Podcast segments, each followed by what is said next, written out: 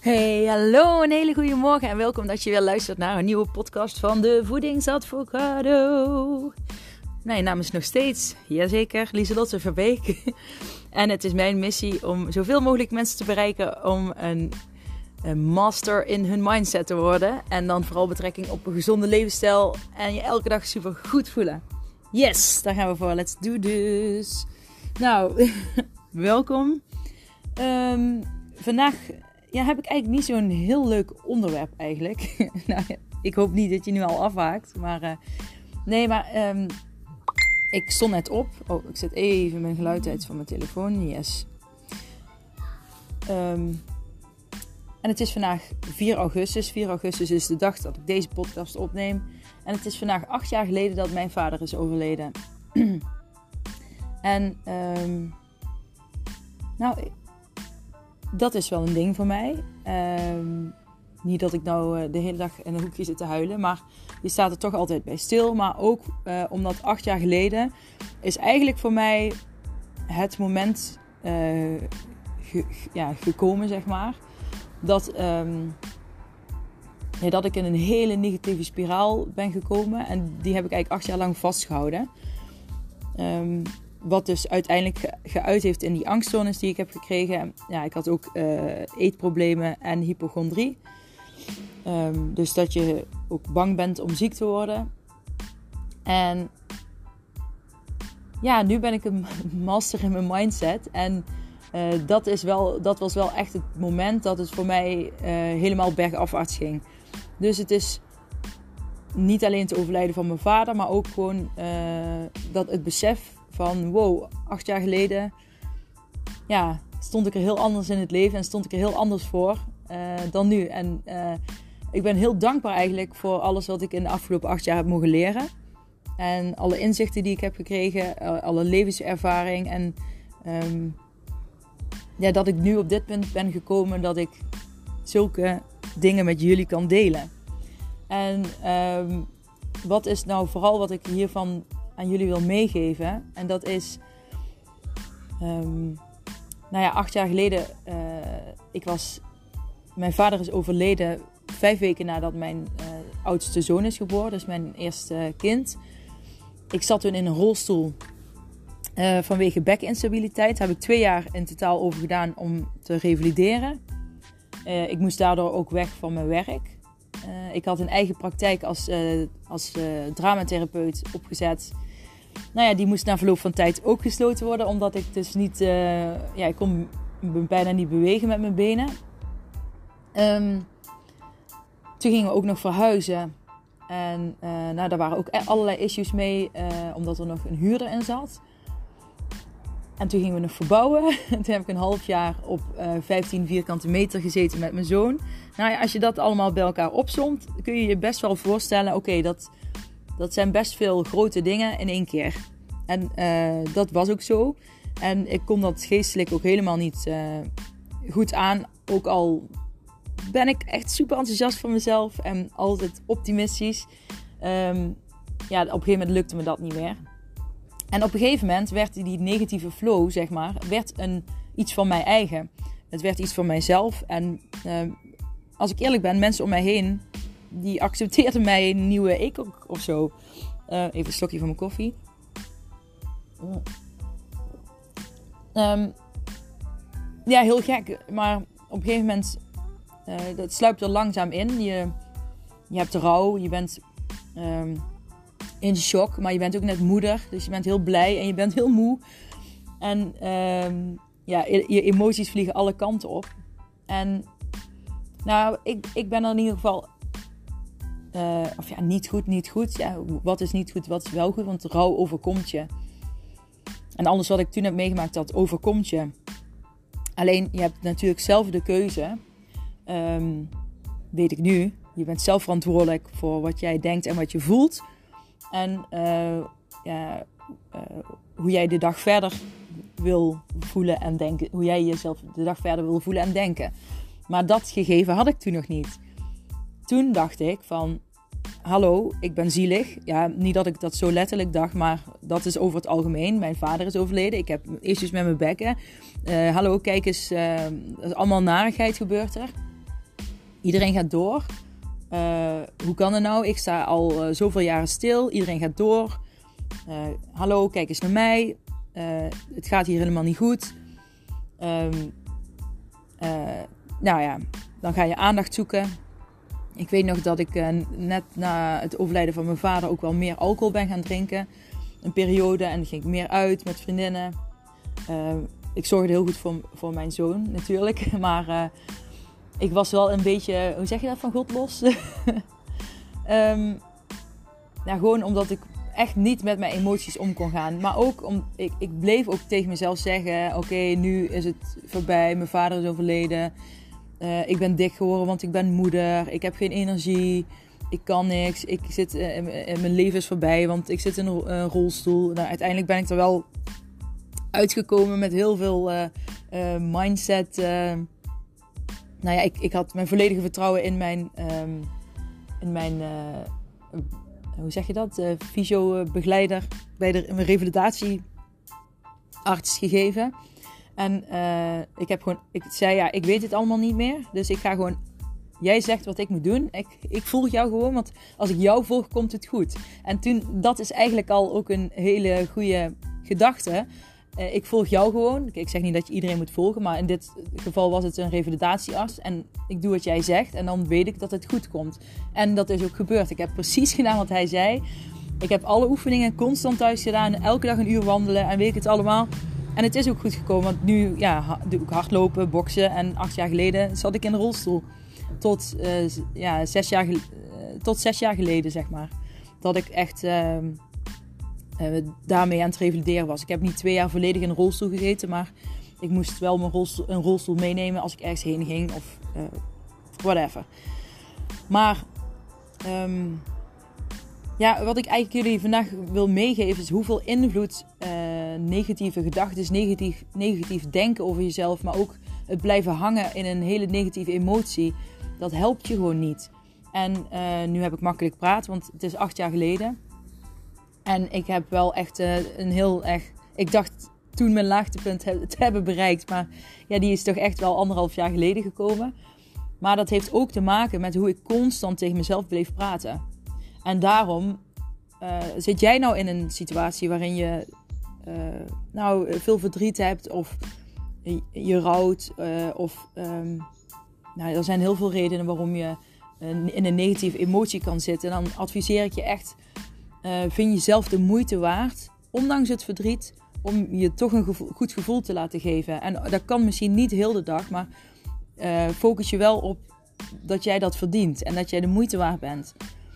En um, ik ben bijvoorbeeld ook heel veel, want ik zei net van God los, maar ik ben ook heel veel gaan eten toen. Want als ik uh, at, dan verdoofde ik mezelf even.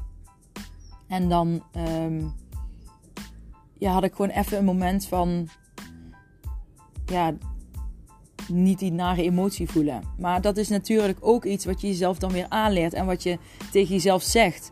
En um, uh, bij mij bijvoorbeeld, als ik uh, chips eet, uh, at, moet ik zeggen, toen ik het at, ja, ik eet het nog wel, maar niet meer op die manier. dan was ik op de korte termijn heel blij. Of heel blij, gaf het me verlichting. En daar heb ik het gisteren met jullie ook over gehad in mijn andere podcast. Maar op de lange termijn hielp het me totaal niet. Dus um, pas toen ik later gezond ging eten, ging sporten, uh, nou ben ik zeg maar daar een heel stuk uitgekomen. En uiteindelijk nu, nu ik dus helemaal uh, ben gaan focussen op die, de wet voor aantrekkingskracht en de, het, het masteren van je mind, ben, heb ik echt geleerd van, oh jeetje, ik heb echt lang in die negatieve emoties en gedachten uh, gezeten en geloofd en het als mijn waarheid aangenomen. En steeds, want, je, want het is niet zo van de wet van aantrekkingskracht, je denkt iets en je, het komt uit. Um, maar um, je denkt iets, uh, je hebt een verlangen, dat zend je uit naar het universum. En dan wordt het je aangeboden. En dat daarvoor moet je je ogen open houden. En goed om je heen kijken. Niet, niet uh, in tunnelvisie denken. En dan um, word je geïnspireerd, krijg je geïnspireerde actie. Dus je moet wel actie uitvoeren, natuurlijk. Want zonder actie kun je niks bereiken. Um, ja, en dan zul je zien dat je vooruit gaat. En dat is eigenlijk precies. Ehm, ik vind het ook bijzonder trouwens dat ik dit verhaal nu zo vertel. Ehm, zonder te huilen. Want ik, kon dit eerst nooit vertellen zonder te huilen, omdat die emotie zo hoog zat. En het wil niet zeggen dat ik nu geen verdriet meer om mijn vader heb, want ik mis mijn vader heel erg. En um, ja, wij waren echt twee handen op één buik. En uh, uh, ja, ik belde hem elke dag. Dus um, zeker mis ik hem. En uh, ja, had ik hem hier wel bij gewild. Maar Voorheen was ik alleen maar aan het denken, wat oneerlijk. En anderen hebben wel een vader en ik heb geen vader meer, wat oneerlijk. En, en ik werd er boos om. Maar goed, boosheid hoort ook bij een rouwproces. Dus je hebt eerst onbegrip, dan komt boosheid, dan komt desoriëntatie. Dat je eigenlijk een beetje verward bent. En dan komt eigenlijk dat je het aanvaardt, accepteert. En uh, kijk, die fases heb ik natuurlijk ook doorlopen. En dan moet je jezelf ook de tijd voor gunnen. Um, alleen wat ik mee wil geven, vergeet jezelf verlies jezelf niet in die emotie. Dus maak jij zelf nu zoiets mee. Schrijf elke dag wel op. Um, ik ben wel de moeite waard om, uh, ondanks het grote verdriet wat ik heb en wat ik mag hebben, en in die rouw mag ik zitten. Maar ik ben de moeite waard om wel mijn lichaam uh, uh, ja, gezond eten te geven. En van gezond eten krijg je weer een ander bepaald soort energie. En dan trek je jezelf uiteindelijk niet mee helemaal omlaag in die emotie. Snap je wat ik bedoel? Want dat heb ik dus wel gedaan. En ja, dat ik zou het zonde vinden als ja, heel veel mensen dit ook zouden krijgen. Mm. Um, ja, dat is eigenlijk wat ik vandaag hierover wilde zeggen. Um, nou heb ik weer. ik wilde nog steeds mijn verhaal vertellen. Nu hebben jullie een stukje van mijn verhaal al gehoord. Maar ik ga dan nog een keer um, uitgebreider voor zitten. Um, maar ja, ik ga vandaag ook gewoon stilstaan dat mijn vader uh, acht jaar geleden is overleden. Meestal ga ik wandelen, want ik wandelde heel vaak samen met mijn vader.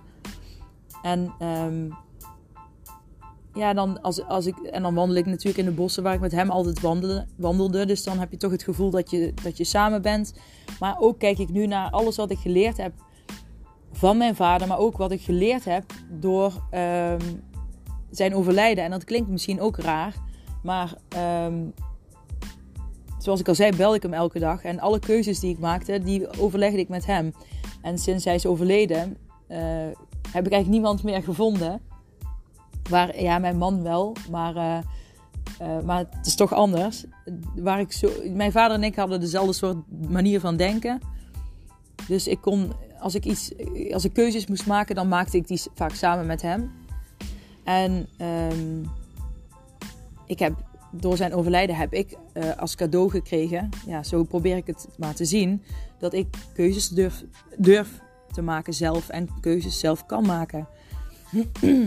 dus uh, ik probeer ook aan de mooie dingen te kijken. En ik weet zeker, zijn energie die hangt uh, nog ergens hier. En um, die is er gewoon nog. En ja, ik denk dat hij dat vast nog wel allemaal zou voelen en meekrijgen. Dat, dat kan niet anders. energie is massa en massa is energie, zegt Albert Einstein altijd. Of dat zegt hij, hè? E kwadraat. Um, en uh, nou ja, dat is misschien heel wetens, hoe zeg je natuurkundig, maar ik weet, dat heb ik ergens gelezen of ik heb het ergens gehoord.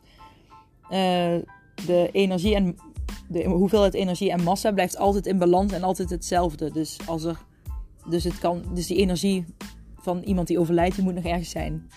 Maar goed, daar geloof ik in. De wet van aantrekkingskracht heeft er ook allerlei. Uh, vindt er van alles van. Ik moet zeggen, ik heb, op dat stuk heb ik me nog minder verdiept. Omdat dat nu, ja, dat, uh, ik focus me meer op, op gezond leven en het masteren van je mindset en ja, op dat gebied. Um, maar nee, maar dat wil ik jullie gewoon meegeven. Dus, die, dus emotie en gevoel en vooral wat je tegen jezelf zegt, heeft zoveel invloed. En zeker als je in zo'n hele nare situatie zit, ga dan eens opschrijven Uh, schrijf gewoon op wat je denkt, wat je voelt, maar ook wat je tegen jezelf zegt. En, en kijk dan eens van, jeetje, ik praat wel heel negatief tegen mezelf. En misschien laat het een vriend of een vriendin of een partner lezen die jou kan helpen om die negatieve uh, gedachten door te strepen. En daar zin, zinvolle, hoopvol, hoopvolle en positieve gedachten van te maken. Ik heb bijvoorbeeld toen ik um, uh, vorig jaar bij de psycholoog zat, hebben even kijken, heb ik wat vriendinnen en familie moet ook moeten vragen over, uh, om iets, ja, over mij, iets over mij op te schrijven op papier. Wat zij, hoe zij mij zien. Nou, en daar kwamen echt super mooie brieven uit. En daar ben ik ze ook echt super dankbaar voor. Maar als je dan beseft hoe anderen jou zien en wat je dan ooit tegen jezelf kan zeggen, dat is echt bizar. Dus het is zeker zinvol om ooit eens een vriend, een vriendin of een partner, een familielid te vragen om eens mee te kijken naar die gedachten. Iemand die je vertrouwt natuurlijk. Iemand waar jij je fijn bij voelt. Uh, als je er zelf niet uitkomt. Kijk, je kan natuurlijk ook altijd uh, hulp zoeken verder als het echt heel heftig is. Maar um, ja, nee, dit is een beetje een treurigere podcast. Over rouw en verdriet. Maar um, ja, weet dat je een keuze hebt. Weet dat je een keuze... Ja, rouw en en toch focussen op je goed voelen en op, op de dingen die je wilt. Dat kan macht naast elkaar ontstaan. Ik liet mij helemaal onderdompelen in de rouw en in de angst. En uh, daar liet ik me zo ver in onderdompelen dat ik er eigenlijk niet meer uitkwam zelf. En um, ja, als ik toen wist wat ik nu wist, dat ik gewoon uh, ja, dat ik kon gaan schrijven, dat ik dat ik mezelf wel goed mocht voelen, ondanks ik rouwde. Uh, ja, en, en ook niet uh, alles bij anderen neerleggen. Dat je jouw gevoel laat afhangen van anderen. Uh, als anderen dan bijvoorbeeld geen aandacht schenken aan dat je vader bent verloren, dat deed mij ook altijd heel veel pijn. Terwijl um, sommige mensen weten niet wat ze moeten zeggen, dus die zeggen niks. En daar liet ik me altijd heel erg door beïnvloeden. Alleen nu weet ik ook van. Uh, ik heb zelf die controle over hoe ik me wil voelen. Als iemand anders er niks over zegt of zo, ja, dat, prima. Ik ga dat niet voor iemand anders invullen. Ook niet ga ik erover denken wat die ander zou kunnen denken. Maar dat is helemaal aan die ander. Ik heb mijn eigen rouw. Ja, ik mis mijn vader. Ja, ik vind het verschrikkelijk uh, ja, dat hij is overleden. En dat hij, ja, mijn zoon en mijn kinderen. Uh, ja, mijn zoon heeft hij maar vijf weken gekend. Um, maar dat verdriet en die rouw hoeft niet constant iedereen ook te voelen en mee te dragen. En uh, dat hoeft er niet constant te zijn. Ik wil me juist focussen op me goed voelen en goed in het leven staan. Dat zou mijn vader ook willen. Die zou ook willen. Die zou niet willen dat ik zeg maar acht jaar lang verdrietig ben en uh, me down voel en helemaal niet happy ben. Nou, dat is dus wel gebeurd. Maar ik denk dat hij nu ook super trots op mij is. Als hij. Ah, nou raakt het me. Ja. maar goed. Ik, hij zou ook super trots op mij zijn als hij nou ziet um, hoe ik het gemasterd heb. En hoe ik nu anderen help um, in, ja, in hun levensstijl, zeg maar. Ha. nou ja, nu zei ik net, ik hoef er niet over te huilen. Nou ja, dit raakt me dus wel. En um, ja, dat, dat vind ik prima. het is ook, het is ook van. Voorheen zou ik huilen omdat ik alleen maar denk: ja, hij is er niet meer. En dan ben je boos, zeg maar. En verdrietig. En oneerlijk vind je het allemaal. En dan blijf je in die negatieve emotie. En nu uh, huil ik om, het, uh, om iets positiefs, zeg maar. Dat ik, ja, van hij zou dit ook mooi hebben gevonden. En super trots zijn. En um, hij zou ook denken van wow, ik weet niet, hoe heeft zij dat gefixt met haar mind? Hoe kan zij nou die, die, die, die angst en, en die downheid zo overwonnen hebben? En uh, nu zo gecontroleerd bezig zijn. En, en dat is ook wat ik jullie mee wil geven. Het kan echt, het kan echt. En um, ja, ik heb ook online trainingen ervoor als je er meer hulp bij uh, nodig hebt. Of als je denkt, uh, of bel me gewoon op als je denkt ik wil er meer over leren, maar ik heb een specifieke vraag. Ik heb ook losse consulten, dus, dus dat kan allemaal. Maar Um, rouw kan naast de focus op je goed voelen ja, bestaan. Het is niet erg als jij je goed wil voelen als je in rouw zit. Want degene die is overleden, ik weet zeker dat hij dat die, die weet dat jij hem of haar nooit vergeet. Ik vergeet mijn vader ook nooit. Ik vertel bijna dagelijks iets over mijn vader tegen mijn kinderen. Ik heb ook een, een kinderverhaal gemaakt voor mijn kinderen over mijn vader. Waar ik later misschien ook nog iets mee uh, wil gaan doen. Het staat wel op de planning, maar nu niet als prioriteit. Maar uh, je vergeet diegene echt niet. En je vergeet diegene ook echt niet doordat jij je weer goed gaat voelen en gaat lachen. En je gaat focussen op jouw doelen en op de dingen die jij wil. Want de herinneringen die je met die persoon hebt, die, die blijven altijd bij je. Dat is super waardevol. En op die manier hou je die persoon ook in leven. Door erover te praten, door herinneringen te delen. Um, zoiets blijft altijd bij je. En dat is gewoon zo. Alleen het is zonde als je dan alleen in het verdriet blijft zitten en jezelf dus niet meer gunt om ook die positiviteit te ervaren. En ja, hopelijk kan je daar wat mee. Nou, ik ga, ik ga even mijn koffietje verder opdrinken. En ik ga. Uh, oh, ik zie. Nou, het is maar goed dat ik op de klok kijk, want ik, ik heb zo meteen een consult. Dus ik uh, even mezelf fixen. Um, dankjewel voor het luisteren. Uh, mocht je iemand kennen die hier iets aan kan hebben, deel het dan alsjeblieft. Want um, voor mij is het wel echt een belangrijk onderwerp. En um, voor mij was dit ook echt een van het begin van mijn negatieve uh, ja, brain. Mijn uh, ja, not so mastermind. dus deel het alsjeblieft uh, op social media of whatever. Uh, zodat ik zoveel mogelijk mensen kan bereiken. Bedankt voor het luisteren. Ik wens je nog een hele fijne dag, middag, avond of wanneer je dit ook luistert. En we spreken elkaar snel weer. Doei doeg!